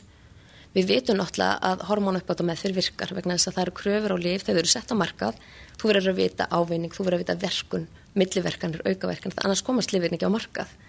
Það er ekki það sama uppi með alla þessar viðbúta meðferðir. Þú getur verið með fæðubótarefni en þú ert ekki með mikla rannsóknur á bakveða. Og það talið að það virki svona á hins einn. Og þess vegna er þetta líka svo mikill frumskógur. En það voru sem sagt tvö félagarsamtök, tíðakvarfa samtök árið 2015 sem komu svona stöðu yflýsingu. Fóruð í mikla rannsóknarvinnu vegna þess að eftir 2002 þegar að neðustöðna kom úr þessari hérna, tímamótaransók þá fór hún konun náttúrulega hægt á hormónum og leita sér að aðferðum og er að nota í rosalega miklu mæli og gætnan án sko samráðs kannski hilberiðstarfsfólks. Og þau fóru bara að kanna á samkvæmt rannsóknum hvað er að virka og hvað ekki og niðurstöðnar er svolítið afdráttalösar að þessar viðbáta meðferðir virðast fáar vera að sína fram á einhverja verkun við enginum breytingaskeiðis. En það þýðir ekki endla að það virki ekki, okkur skorti bara góða rannsóknar á sviðinu. Það er til margar rannsóknar en sumar eru bara lélugar, það er ekki hægt að samræma þær, það er ekki hægt að komast einhverju svona gaggreindri niðurstöðum sem maður segir. Þannig okkur vantar góða rannsóknir. En það eru sumur hluti sem lofa góðu og þessi félagsamtök þetta verður sem sagt Norður-Amerika og Evrópa sem hafa voru með þessar samantektir og Evrópusamtökin komst að því að nálastungur getur gagnast vel við hittakófum á breytingaskeiði. En Norður-Amerísku töluðum að dáleysla og hugran atfellismeð það getur verið góð. Þannig að það sjá, þannig erum við að tala um hittakóf. Þannig að það sýnir það að hugran atfellismeðferð er að virka vel við því og dáleysla. Þetta er líka huglegt. Það er magnað. Já, það er nefnilega svolítið skemmtilegt. Það er alltaf að sanna sig meira og meira hvað líkam og sál eru ekki tveir aðskildir. Alls ekki, svo sannarlega ekki. Og þetta hérna kerfi okkar, hormonakerfi, það er svo nátengt högakerfin okkar sem er náttúrulega bara, þú veist, heilin okkar og, og líðan og andlega hlýðin og fleira og bara hérna efnaskiptum og innkirtlastarðsemi. Svo rosalega erfitt að hérna, rannsaka með hormonakerfið af því þetta er bara seitt út í svo ótrúlega litlu magni Já. að það bara, það er alltaf hægt að mælda í blóð eða þú veist, það Já. er svona, þetta er bara Já. mjög áhugaverð uh, fræði, hormonakerfið Virkilega, virkilega. Svo fær maður sann svo, þetta er alltaf, jafn- finnst mér merkilegt að heyra þið tala um, þú veist, aftur og aftur að það, er, að það skortir rannsóknir og annað. En maður hugsa um hvað þetta er samt, þú veist, einmitt, það er bara helmingu mannkinn sem er að kljást við þetta og Já. þú veist, bara, bara þessi staðrind er svo merkileg hvað það er hérna, ákveð, hefur verið ákveði gegnum tíðina af körlum, hvað er hérna, í hvað er sett fjármæng til að rannsaka, rannsaka og þú veist, hérna nátengt bara lifja bransanum og öllu þessu að hérna, bara, þetta er bara áhugavert hvað við vitum í rauninni lítið um þetta Já. bara eins og um hérna líffærafræði þú veist, bara brjósta og snýpin og allt þetta, þú veist, þetta er bara eitthvað svo Sem þeir eru búin að vera duglegur að koma á framfæri, sem þetta fer. nákvæmlega, Já. draga þetta fram í sviðsljósið. En það vantar fleiri rannsóknar, þá má rannsækja ýmislegt og til dæmis eins og bara því við erum að tala um hérna viðbóta meðferðir að uh, lífstillin okkar skiptir gríðalegu máli hérna. Hreyfing, ef það er eitthvað eitt sem við ættum að mæla með fyrir fólk bara almennt þá það hreyfing, ég meina það er engin tilvíljun að lakna sig áfus upp á hreyfisæðla í staðan fyrir lif það segir sér bara að það er líka gífulega margar rannsóknir að baki því hvaða jákvæða áhrif hreyfing hefur á okkar heilsu andlega sem líkamlega. Og það er bara eitthvað sem að við ættum bara að gera sama hvað. Og hérna mataræði hefur líka rosalega mikið að segja hvað, hvað við setjum ón í okkur. Og þar kem ég að öðru sem að mér finnst rosalega áhvert líka sem er þarmaflóran það eru fræði sem eru bara á gríðarlegur upplið, það eru bara rannsóknir byrtar á hverjum degi, alltaf eitthvað nýtt að koma í ljós og þetta er bara, þetta er svona breakthrough. Birna Áspjösdóttir er okkar gúru hérna á Íslandi í þarmaflórinni ótrúlega áhugavert að kíkja á hennar heimasíð og það sem hún er að bóða hún er doktorsnemi núna er að, að kannast hérna uh, börn og unglingar sem eru með geðsjúkdóma og skoða þarmaflóðuna þeirra Meldingin er náttúrulega sitt eigið tögakerfi þetta er bara, þetta er bara heil, heili sem að er bara sjálfstæður Já. innan líkam okkar. Þetta er það nefnilega að hafa beint tengsl við heilan og líðan okkar. Og við getum stjórnað þessu. Og hverjum degi þegar við erum að velja hvað við látum onni okkur þá erum við að næra eða ekki næra þarmaflóruna. Og, og þetta hefur áhrif inn á til dæmis bara hormóna, hormónajafvægið okkar. Ef við nærum okkur vel þá erum við meira jafnvægi með hormónun okkar. Mm svefni skiptir náttúrulega gríðalegu máli líka og hann er náttúrulega trublaður þarna á þessu breytingaskeiði en hérna við getum hreift okkur, við getum valið hvað við borðum nært okkur vel. Og við getum líka valið að slaka á og draga úr streitu. Það hefur gríðarlega áhrif líka hormónajafvægi vegna þess að það er svo mikið streyta í samfélagin í dag það verið að tala mikið um það og kulnun og fleira nýrnahetturnar okkar og kortisólmagnið okkar allt í hámarki. Og málið er að nýrnahetturnar framlega líka kynhormóna þótt að sé miklu minna magni heldur en í ekkjastokkum og östrogen og kortisól þau vinna svona þú veist á víksl þannig að við erum með hátt kortisól þá erum við lágt östrogen og öfugt. Þess vegna verðum við að virka svolítið sefkerfið okkar slaka og til þess að halda hormónaflæðinu líka svolítið í, í jafnvægi. Þannig að það er ímislegt sem við getum gert sjálf þarna til þess að bæta líðan okkar á breytingaskeið og bara almennt og kannski fyrir líka að undirbúa sig Já. vel, vera undirbúin fyrir þetta líkamlega andlega akkurat Og þetta er samt allt eitthvað svona sem er hægara sagt en gert og að maður þarf svolítið að taka þá ábyrð á sjálfum sér og það er Algjörlega. eitthvað sem að við erum ofta ekki dóðalega spennt fyrir. Það er svo rétt. Það er auðveldar að heyra í einhverjan lækni og reyna að fá okkar quick fix og eitthvað svona en þetta er bara svo góð áminning. Þetta er góð aðmenning en Það, það, það, er til mikils að vinna. þetta er mikið sem vinna. Það þarf eins og þú segir lífstilsbreytingar og það þarf kannski aðstóð Já. fyrir suma getur þetta verið mjög mikil breyting sem er svona óeyfistíganleg En þarna gæti mitt einhver svona persónuleg þjónusta eins og á einhverju svona kvennamóttöku eða eitthvað svoleiðis, örgulega komið sterk inn í. Algjörlega, að konur hefði aðgengi að einhverju svona, að einhverju ráðgjöf, hreinlega, algjörlega. Faglegri Já, ráðgjöf. og hvað á ég að gera og hvað get ég gert? Og það, það sem er svolítið áhugavert líka með breytingaskeið er það að konur eru náttúrulega að deila ráðum og fá bara, ég pröfaði þetta, ég pröfaði þetta, virkaði rosalega vel fyrir mig. En það sem virkar vel fyrir eina virkar ekki endilega fyrir næstu. Nei. en það er um að gera að prófa sig áfram. Og um það fjallar þetta svolítið að þegar konur finna einkinni hvað getur hugnast mér að gera og nota? Svo byrjur kannski að nota eitthvað við segjum bara fæðibótarefni eða eitthvað. Það virkar kannski fyrir einhver tíma. Svo eftir smá tíma hættir það að virka. Og það er gætna vegna þess að einkennin þau verða oft verri með tímanum og þá þarf þetta að breyta til og finna eitthvað nýtt. Þannig að þetta getur verið svolítið svona stöðug leit að stilla þið inn á býtu hvað ger ég núna? Og jafnvel þótt þú veljir að fara á hormóna þá geta þeir dugað einhver tíma svo hætta þeir að virka eins vel og þá þarftu kannski að auka skamtinn eða finna annað hormón sem henda þið betur. Þannig að þetta er ekki bara, þetta er ekki bara quick fix einmitt að finna töflu. Þú þarfst að halda svolítið áfram og finna og leita. Þannig að þetta er, þetta getur verið verilega áskorun. Já. Sérstaklega gefið hvað þetta er langt tímabil Já. fyrir flestar, fimm ári með langu tími. það er langu tíma og sérstaklega þið líður mjög illa þá er þetta bara óvísteganlegt og þið þekki það í fæðingumstelpu þegar konu segja hvað er mikið eftir, ég get ekki meir Algjörlega. ef við getum sagt en það er hálftíma eftir, þá getur þú kannski þóla það en ef það væru nokkru klukkutíma þá er það óvísteganlegt Já. og það er svolítið það sama þú sem ég upplýði í þessari rannsókninni bara hvað þarf ég að vera svona lengi Akkúrat. og bara óvissanum að vita ekki hvort það er mitt eitt ár eða tíu ár þú veist og hvað þú þurfir að þrauka það er rosalega erfitt fyrir marga konur Algjörlega. skiljanlega Takast á við þetta bara eina hríði senn. Já. Alltaf að reyna að finna eitthvað nýtt og nýtt til að koma sér í gegnum þetta. Einmitt. Já. Svolítið bara að lifa af fyrir suma. En eins og nú veitum við hvernig saumaklúbanir eru um þrítugt, það er verið að ræða um kerrur og fæðingorlof og allt þetta. hvernig, hvernig er þetta þá um 50-60? Þú veist, eru að því að þetta er bæði tabú en svo er verið að konur líka verið að stiðja hver aðra. Veist, hefur á tilfinningunni mikið verið að ræða þetta, þú veist, deila reynslu og, og ráðum eða er þetta svolítið bara hver fyrir sig? Ég spurði konur einmitt svolítið út í þetta og það var rosalega misjant. Sumar töluðu mikið við sitt nánast umhverju við vinkonu sínar og, og hérna jafnvel sýstur eða leitið í móði sín eða eitthvað slíkt. Aðrar bara ekki. En það virtist vera að það var samt kannski bara verið að ræða um ákveðna hluti. Veist, það er leifilegt að tala um sumar hluti sem er algengir eins og hitakóf og gert kannski svolítið grínaði bara uff, ég er hérna alveg bara í kasti, þú veist alveg uff og ég vaknaði nót og eitthvað svona og bara pínu hleyið að þessu því það verður náttúrulega líka takat og létti nótunum þótt að mann finnist þetta kannski ekkert sérstaklega að fyndið innst inni. Nei, nei. Nei, Svona en þetta er svona til að lifa. Opnum gluggan. Já, Einmitt. maður þekkir þetta alveg bara úr Hver vinnunni. opnaði gluggan nákvæmlega Já, já. í vinnunni bara, hver er á breytingarskeiðinu? Já, já, Má loka aftur.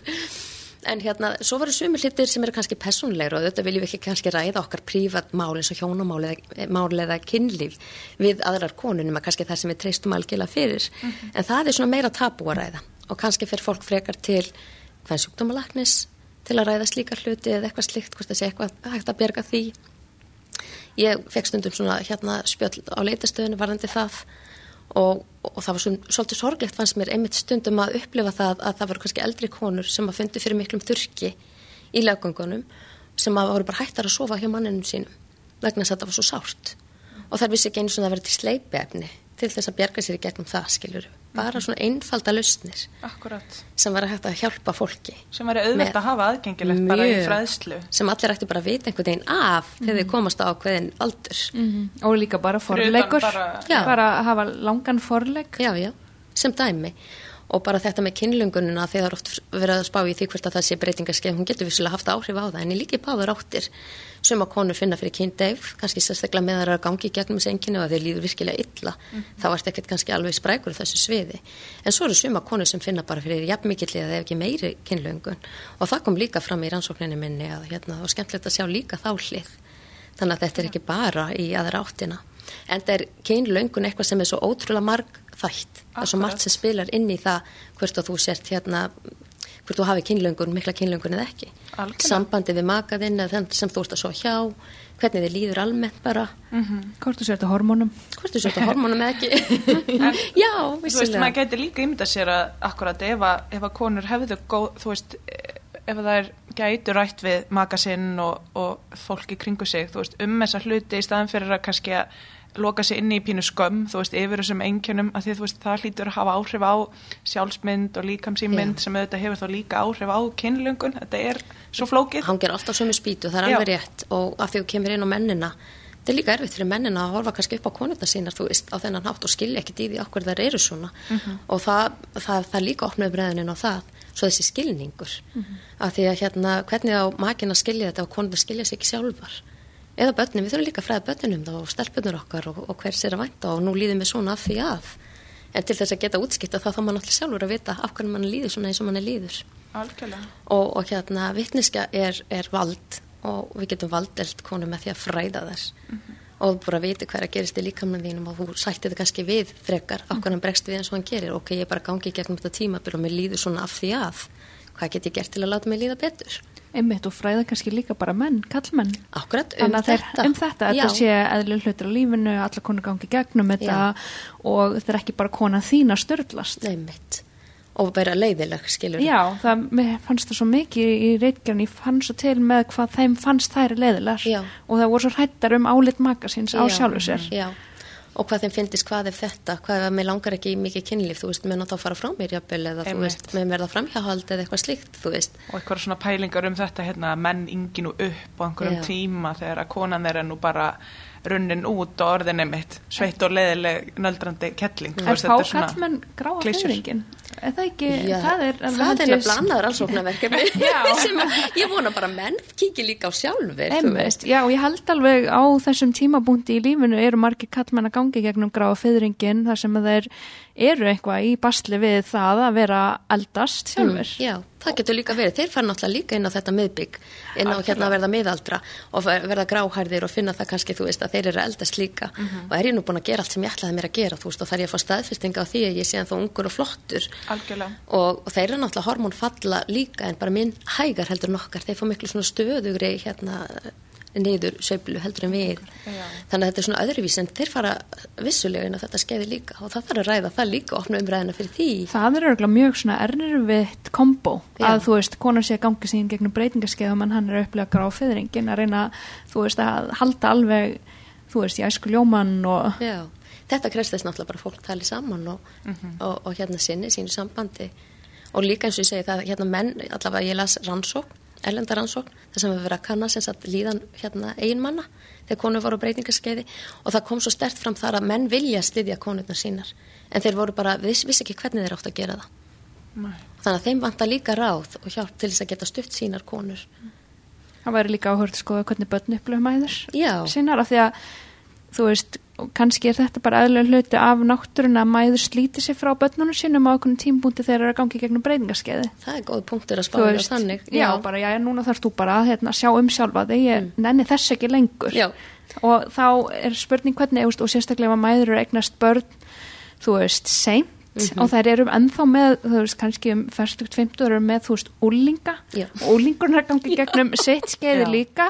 Og það er. Mikið breytingum í gangi. Mikið breytingum og, og ég man að Ragnarður Bjarnar sagði, þú veist, stundum eru konur sem að eignast börn mjög seint frekar látin á hormónumeðferð þannig að þær eru ennþá með þessa mýkt Ah. sem að er sem mjúku hlýju góðu mömmur eins sem við eigum að vera Já, sem að þú veist, einkennir konur á frjósumiskeiði, þessi umönnunar það. Er nefnilega málið. Östrogenið er einmitt umönnunar hormónið. Einmitt. Og mér finnst svolítið gaman og, og, og hérna broslegt að ég hugsa út í það að þegar við missum niður östrogenið þá verðum við meira svona kannski, ekki meiri töffarar, við erum oft kannski meiri töffarar þegar við erum yngri þótt við séum umönnunagenið. Við verðum svona kannski meira berskjaldar, við erum örugari með að segja það sem okkur finnst, okkur meira saman hvað öðrum finnst, við verðum kannski öðruvísi töffarar. Já, Já. Við beinskeittari erum beinskeittari, við segjum það sem okkur finnst, látum ekki bjóða okkur eitthvað, við erum svona betri kannski að setja mörg, Já. af því að það kemur svona meira auki svona sest, eða svona kraftur bara, hm, ég, Mér finnst það mjög aðdánavert þetta er svolítið, já, þetta er svona, þetta er valdeflandi, vegna þess að við erum búin að vera hérna snýta hór og skipta á Já. bleium og hugsa um og, og hérna passa og gera og græja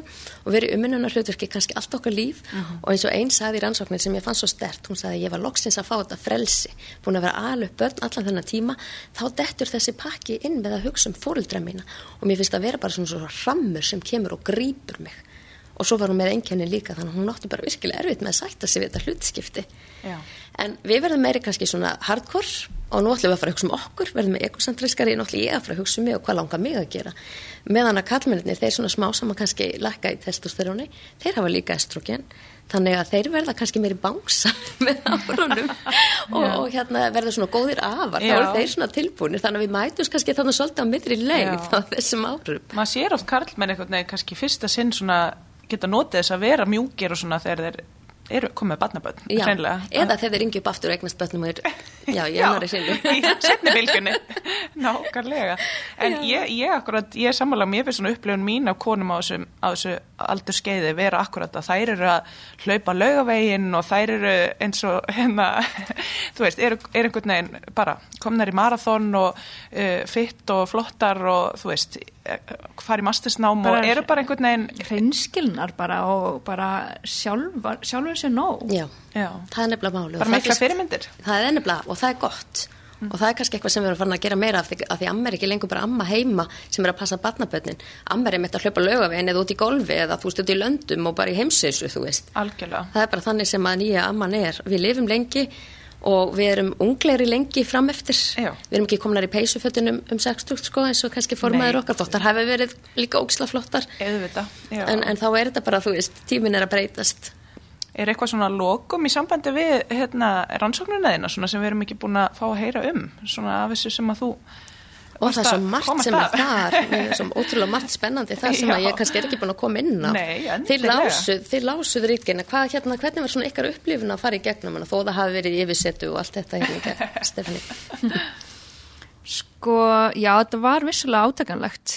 Uh, og ég verð að segja sem betur fyrir var ég búin að hlusta á hérna, podcastið með henni Ólöfu. Ólöfu, Ólöfu, Gerði, já, út af því að þá var ég ekki bara svona fókusöruð á þessa neikvæðni, en þetta voru náttúrulega allt konur sem hafði það mjög erfitt. Já, um, og já, mér fannst kannski standa upp úr þessa skapsöflur og þú veist um, að þekk ekki sjálfa sig og, og, og vera svona óundubúin fannst mér svona kannski standa mest upp úr og hérna og mér finnst svo mikilvægt að konur séu undirbúnar held ég, ég held að það séu, það séu tilbúnar til að takast á þetta, það munur örgulega hjálpa þeim og framfleyta mjög langt á þessu skeiði. Klárlega og ég velti þessu svolítið mikið fyrir mig þarna líka vegna þess að það voru svo flottar konur sem ég tók viðtal við en þær voru svo illa undirbúnar. Og einmitt svona menta konur sem leita sér þekkingu, þú veist. Okkur voru það svona illa undirbúnar? Og hún tala líka um þetta hún Ólöf gerður. Hvernig stóða á því ég var ekki búin að kynna mér þetta? Mér fannst ég hef aldrei fengið verið eins miklu sjokki við neinu hvað ég var illa undirbúin fyrir þetta skeið. Og það fekk mig til að svona hugsa eru konur móttækilega fyrir upplýsingum áður en þetta skellur á þeim? Ég veit það ekki.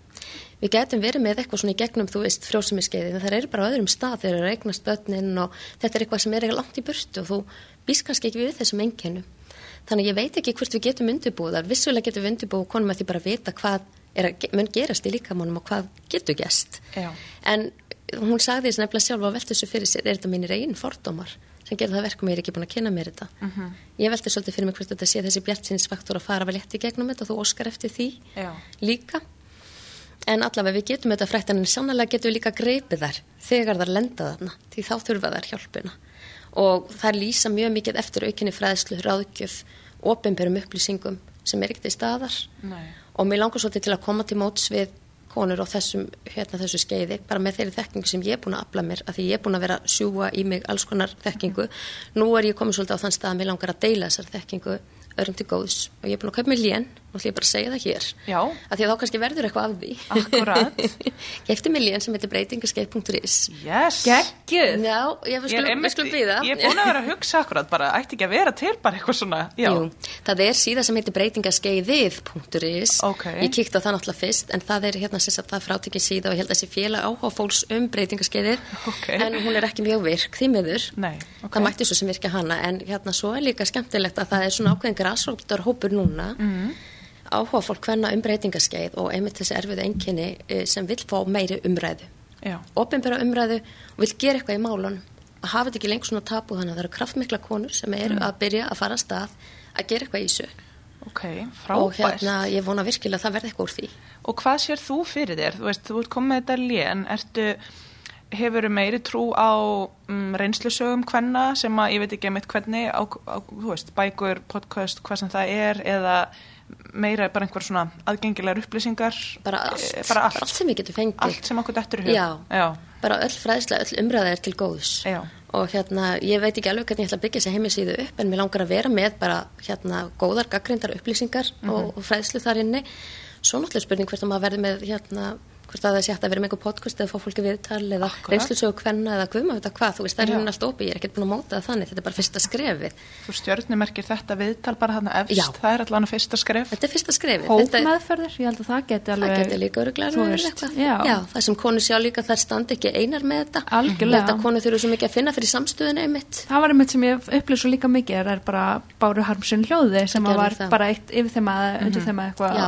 Það að að að fannst mér svo rosalegt að geta ekki tjáð sér við neitt um þetta Akkurat að halda að þú sért einn í þessum aðstæðum og þú sért eitthvað einmitt öðruvísi, þessi eitthvað af þér Já. þegar það er fullt af öðrum krónum sem eru bara á sama stað en þú bara veist ekki af þeim, skiluru. Svo finnst mér líka áhugaverð pæling sko að hérna, spekulara hans í hvernig yngri kynnslóðir munu takast á þetta því að nú er þetta orðið, við erum orðna svona til, tilfinningakynnslóðin, þú veist það er aðeins kannski verið að reyna að höggva í þetta Já. þú veist þessa mynd að hérna, maður þurfa alltaf að vera sterkur og hérna, með grímu og, og allt þetta. Krakkar eru sérstaklega yngri en, yngri en við, þú veist, farin að vera aðeins opnari bara um, um geðhelbriði og, og alls konar svona málefni tengt bara kynlífi og kynhelbriði og svona, þannig að kannski munu konur framtíðarinnar vera aðeins opnari, það bara alltaf ég er rétt að vona og ég bý- býst við því. Að, að þetta er svo flott kynslu sem er að koma mitt upp og, og bara ræða hlutinu svolítið opinskátt. Og ófeimið og brjóta niður þessa múra einmitt sem að til dæmis e, þótt ég sé kannski ekki mikið eldur en þið þá er ég næsta kynslu kannski fyrir ofan. Og ég er alveg upp á gömlu fóruldrum Já. og ég er alveg alveg upp við þetta maður talaði ekki um að hvernig hluti og, og þetta var bara svona þú veist tabú og bara nei við ræðum ekki þetta þannig að eins og bara til þess fyrir mig að segja píka það hefur alveg verið æfing.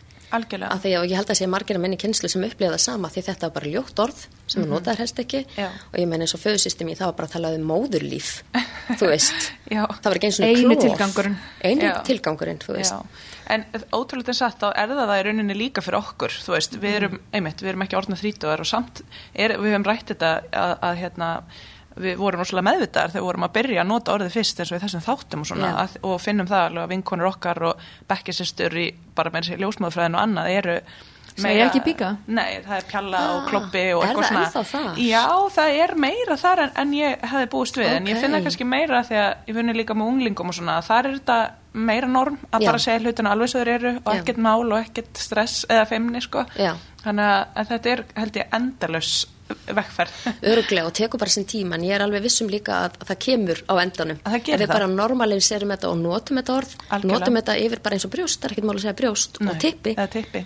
En, en það er einhvern veginn þetta orðið er bara einhvern veginn svo gildislaðið og hefur verið gegnum tíman, það er bara pínu erfið algjörlega. En ég var í sundum daginn og það var mamma með litla stelpu og hún var að þvó stelpunu og svona telja upp líkamslutan til að kenna henni líka, þú veist Já. hvað þetta héti.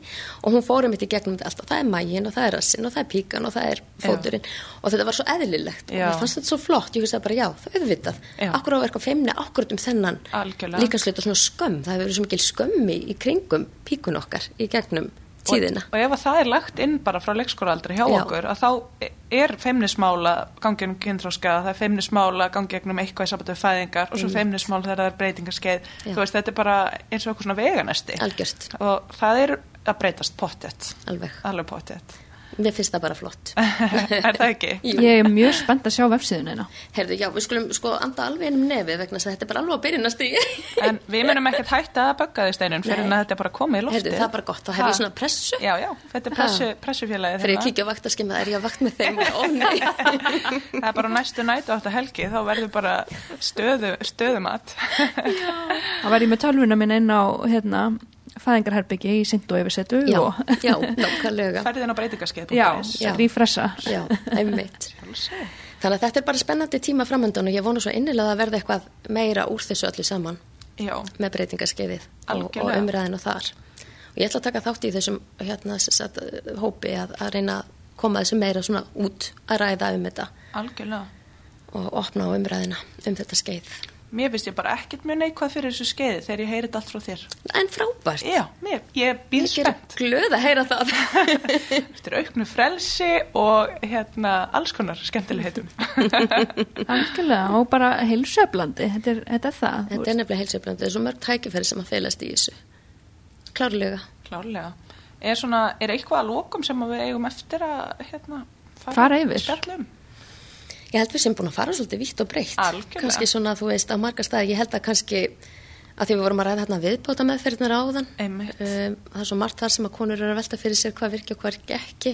Konur eru að taka alls konar fæðibóta efni sem eru gefin út til að hjálpa á breytingaskeiði. Einmitt. Og eins og ég sagði áðan þá er ég vissum að það sé ákveðin hlutir þarna sem er að virka þótt að sé ekki búið að sanna það vísindarlega. Það eru til dæmis alveg sterkar líkur á því að ísoflavónar sé að virka Ok. við einhvernum breytingarskeið. Hvað eru ísoflavónar eru?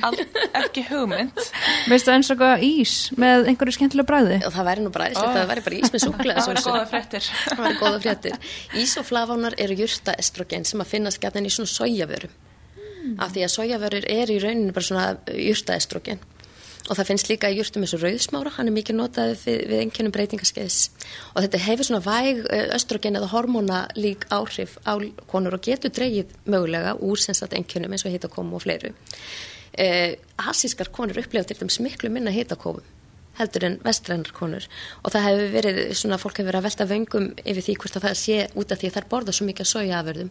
Það getur líka verið að því það er erðafræðilegt Ég er alveg til í það, segir halv, halvasíska konan. Já, einmitt og þú bara sleppir svona vel og fáið þann hlut í erðir nákvæmlega en það er allavega, þú veist, mjög áhvert að spá í því einmitt þessu menningamun, erðamun, þú veist hvað við erum að láta í okkur Þannig að tofu til dæmis, Já. sem er svona emitt sojavara, það ekki? Jú, Það er, það er mikið borið, Já. eh, borðað í Asju, bæði í eftirréttum og aðalréttum. akkurat það er nefnilega tofu og það er hérna svo eru líka ákveðna fæðutöfundir til dæmis eins og hörfrætt þau innahalda hérna, efni sem er lignin og það er svona estrogenlikt líka og þess vegna til dæmis eins og miðjarahafsfæði þykir mjög gott fyrir konur á breytingarskeiðu bara á miðjum aldri fyrir svona hormónujafvægi en allavega hérna svo ég vindi mér aftur að ísaflafanónum af því við verum að tala um það af því að ég gerði smá rannsókn að vinni því hérna í mestarannámanum það var svo áhugavert. Þú ert komin í nördism ég veit það, þetta er svo skemmtilegt. Ég vissi ekki að vera svona mikið rannsóknar nörd. Við erum að draga steinin út úr nördaskápnum hérna sko. En hérna, það kom sér til ljós að það er ekkert allar konur sem nýta ísaflafana í líkamannum, það fer eftir þarmaflórunni. Það er ákveðin hérna sem sagt, þarmaflór sem asíska konur hafa meira af þannig að það er nýta betur ísoflafana þannig að það getur líka haft af sér. Þannig að það er spurning ef við notum sojaverur eða þessa sem sagt, ísoflafana og notum kannski góðgerla með, getum við þá fengið betur upptöku og þetta getur ástæð fyrir því að sumar konur taka kannski, þú veist, femarell eða femarnesta, hvað þetta er allt hérna, þe- þessi hérna fæðbótarefni og sumar fá góða verkun og aðrar ekki. Sko, eitt sem ég langaði líka að segja er að í Asju er líka miklu, miklu meiri virðing búin fyrir eldruðum. Það er miklu meiri skilningur. Fyrir 50 og öldruð fólki Nei, ég menna, já, fyrirgefið, ég meinti, þið veitir hvað ég tala um. Fólk að besta aldri. Já, fólk á best aldrei, en það er miklu meiri skilningur og miklu meiri virðing, þú veist, fólk þar sem að eldist er, um, hvað maður að segja, svona hæst í goggunaröðinni, þannig að þú veist, það er líka spurning hvort að samfélagi þar sé bara skilningsrikar ekki hvort konur sem er ganginu breynd, Það getur líka hugsast og hvert það hafi áhrif til dæmis eins og hittakófin. Já, út af því þetta var svo hérna andlega tengt. Þetta er svo andlega tengt og veistu það var svo fyndið nefnilega eitt að því að ég er í jákvæði sálfræðinni þá var, einmitt var ég að kíkja á breytingaskeiðið og, og þú veist áhrif jákvæðar sálfræði á það. Var náttúrulega ekkert sem ég fann á þessum tíma. Fólk hefur ekki mikið áhuga á breytingaskeiðinu og hérna jákvæð sálfræði frekar nýtt og ungt fag en ég fann þó allavega með hérna núvitundarþjálfur, þú veist mindfulness sem er byggt upp á því að það er yfirleitt svona átta vikna mindfulness þjálfun. Það var kona í Breitlandi sem að hafði skapað að búið til átta vikna námskeið fyrir konur og breytingaskeiði og þær upplifðu hitakófin betri, marktakt betur eftir að fara í gegnum þessu nútenda þjálfun og það var ekki að því hitakófin voru minni líkamlega minguð þau ekki en viðhorf kvennana til þeirra breyttust við þessa þjálfun. Það var svona meiri kannski sátt bara verið í þessu í staðan fyrir að pyrra sig bara fokk nú er ég að fara að svitna og sjá það allir og nú ég opna gluggan og Já. uff og, og líktin af mér og allt Já, þetta. þannig að það er svo mikið sem það tengist hugafæri okkar. Takk á móti hríðinni. Takk á móti hríðin, takk á móti blessu hittakófinu það er auðvitað að segja það en Ég þú veist, það. Það er kannski eitt að loka sem er dættur í hug mm. sem við Stefania vorum að spyrja hver aðra að er, hvað hva heldur þú, það er engin ekkert innfalt svar við þessu. Er, er dónalegt að spyrja konu forutnislega, þú veist, hvort hún sé byrja að ganga í gegnum breytingarskeiðið Sko mér finnst það ekki Nei, En einmitt. þú veist, það getur vel verið að einhver takið óstund upp og sérstaklega þeir sem er að fela það eða eru ósáttir við Já. að vera komnar á þennan aldur eða þetta skeið. Þetta er viðkvæmt er fyrir það. margar konur Já, er það og það er alltaf spurninga mitt hvenar maður komin inn á, þú veist, sprengjusvæðið eða þennan viðkvæma múr eða og hvenar ekki eins og bara við þekkjum að þórun ekki að spyrja konu hvort hún sé ófrisk fyrir hún komið hríðarleiku við, þú Já. veist, Já. að það gæti alltaf verið eitthvað annað. Akkurat, Já. já, það er bara, maður þarf að leysa aðstæður eins og svo oft aður já, ég hugsa það. Við erum nú góður í því, ljósmaður. Já, við skulum Við erum nefnilega svolítið góðar í því, við þjálfumst í því bara í þessu fæi sem við erum í. og ættum að geta nýtt okkur þá hæfni hérna, Klárlega. með konum á besta aldri Já, ekki spurning. Við, þú ferði í lénið steinun og við ætlum allar saman að opna hérna, Kvennamóttöku. Já. búa til fræðslöfni og umræðu vettvang og hérna, það eru bjarti tímar. Það eru bjarti tímar og við ætlum að bæta lífsgæði og veljiðan hvenna í, í landin okkar. Valdaflaður. Konur eru svo frábærar og, og bara magnaðar Heldur og, betur. og bara það eiga svo gott skilið og við ætlum að hjálpa þeim í að fá bestu lífsgæði. Að það sé metnar aðar ennverulegum vellegum sínum. Algjörlega. Mér finnst þetta frábær loka orð. Er það ekki? Sammála. Takk kærlega fyrir steinun að koma og fræða okkur um breytingarskiði kona. Já, bara takk sem ég leiðist. Takk fyrir að bjóða mér. Já, bara heiður að fá þig til okkar í legvarpið. Takk.